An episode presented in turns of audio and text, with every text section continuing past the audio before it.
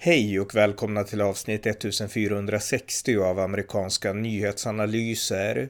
En konservativ podcast med mig, Ronny Berggren, som kan stödjas på swishnummer 070-30 28 95 0. Här följer en uppdatering tillsammans med min kollega Björn Nordström om det senaste i USA. Varmt välkomna! Björn Nordström, välkommen! Tack så mycket. Jag tänkte vi skulle uppdatera lite igen om det senaste som hänt i USA och ja, vill du börja?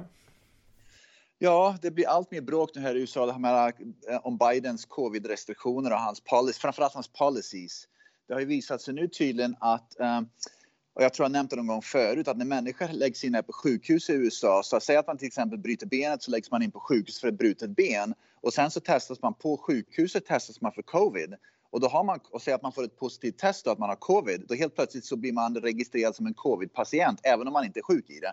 Nu i alla fall, jag hörde i morse på nyheterna att de sa att, att hälften av alla som ligger inne på sjukhus, även om de är covid-patienter, så är de inte sjuka i covid egentligen, utan de är bara registrerade som covid. Så egentligen så bara hälften så många. Så att statistiken har börjat liksom visa nu att det är inte lika många som är sjuka som ligger på sjukhus som, som statistiken visar.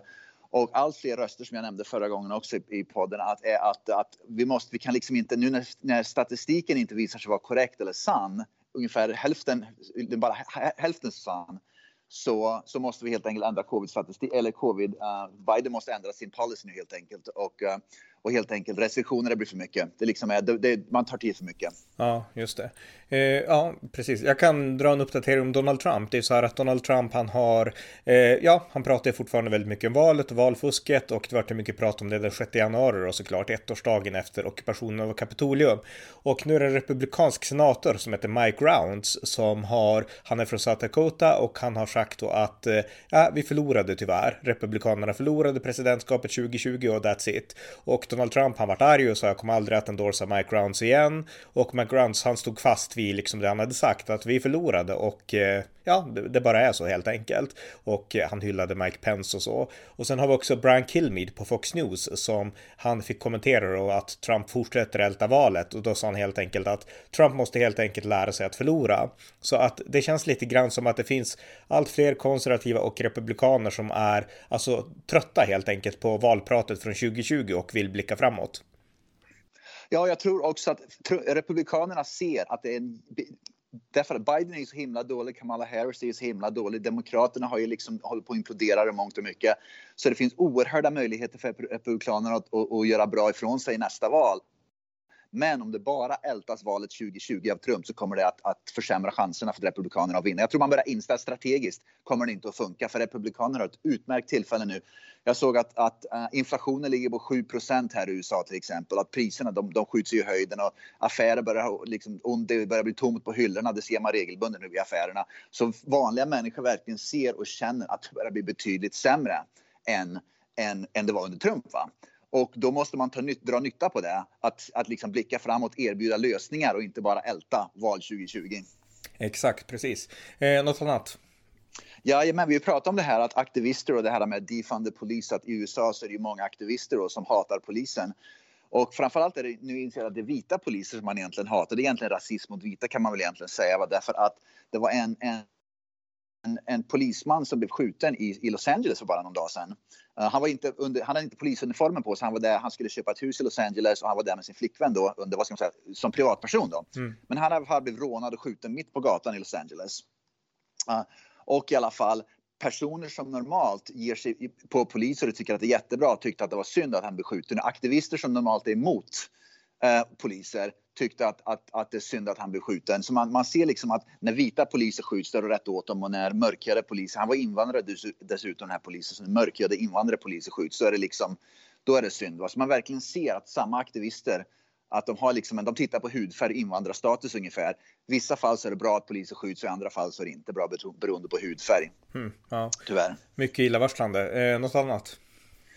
Ja, jag såg att Joe Biden, han återigen, han, han blandar ihop sig själv med Kamala Harris och bara för någon dag sedan så kallar han ju Kamala, Kamala Harris, kallar han ju henne för president Harris istället för vicepresident Harris. Så man ser ju verkligen att att Bidens hjärna inte fungerar som den ska fortfarande. det lär inte bli bättre heller. Va? Och jag tror också att vanliga människor ser sånt där.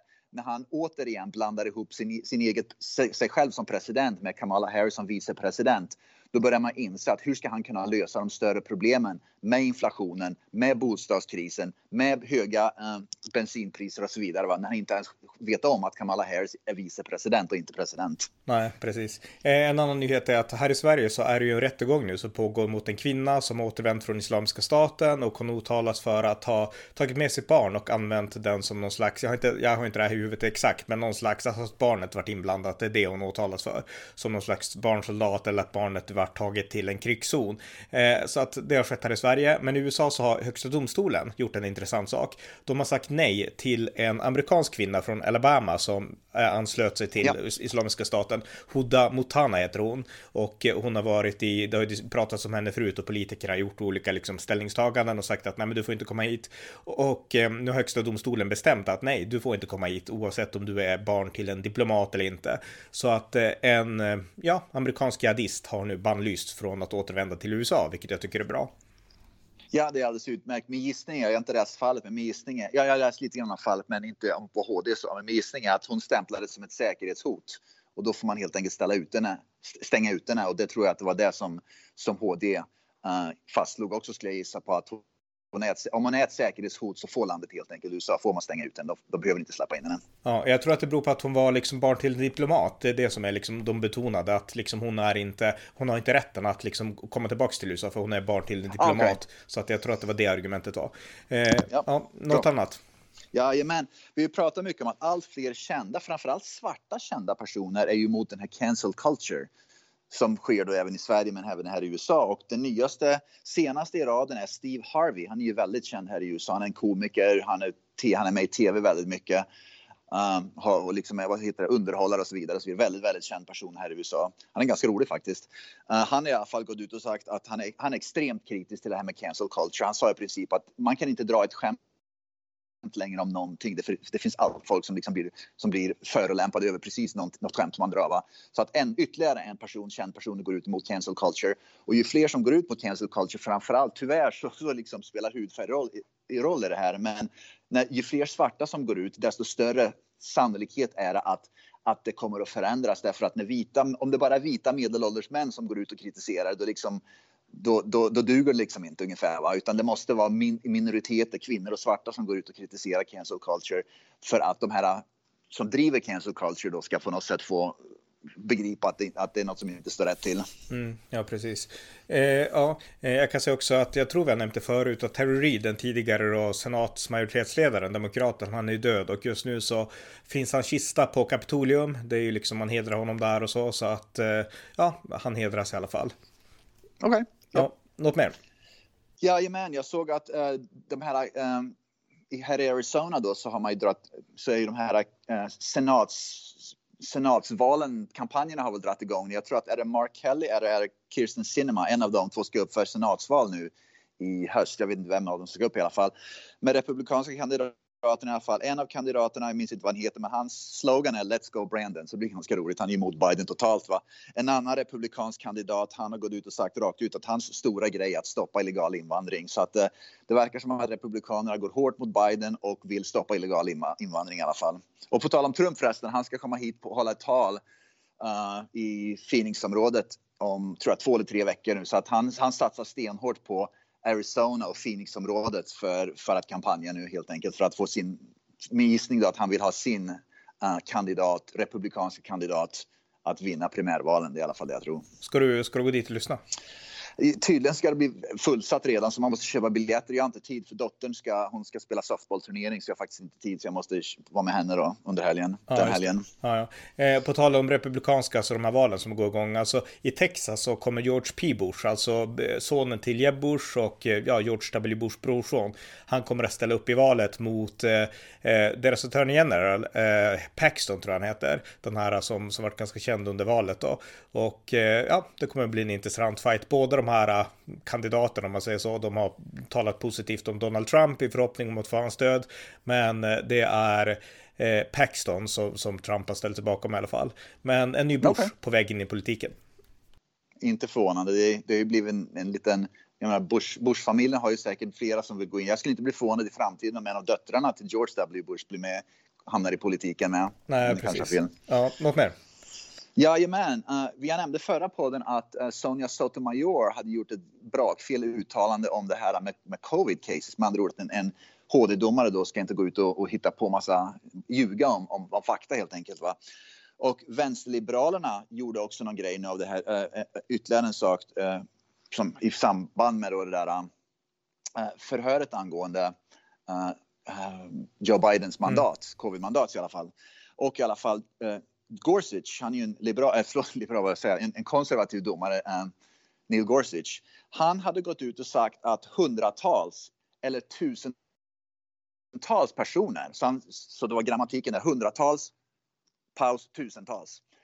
Media, vänsterliberal media hade gått ut och sagt att Neil Gorsuch, Gorsuch sitter och säger att hundratusentals dör av vanliga influensan varje år. Så de hade gjort om det han sa, vilket var hundratals. Ah, ja, okay. Tusentals. Med andra ord hundratals eller tusentals mm. dör. Och då vänsterliberala gick ut, media gick ut och sa att han hade sagt att Gorsuch gick ut och sagt att hundratusentals dör. Men sen så gjorde tydligen vänsterliberal media en rättelse att de hade faktiskt sagt fel. De gjorde fel. De hade förvrängt det han egentligen sa för att de hade gjort ett grammatikfel av det hela. Men det visar ju då igen att Son, Sonja Sotomayor, de gjorde ingen stor grej av det.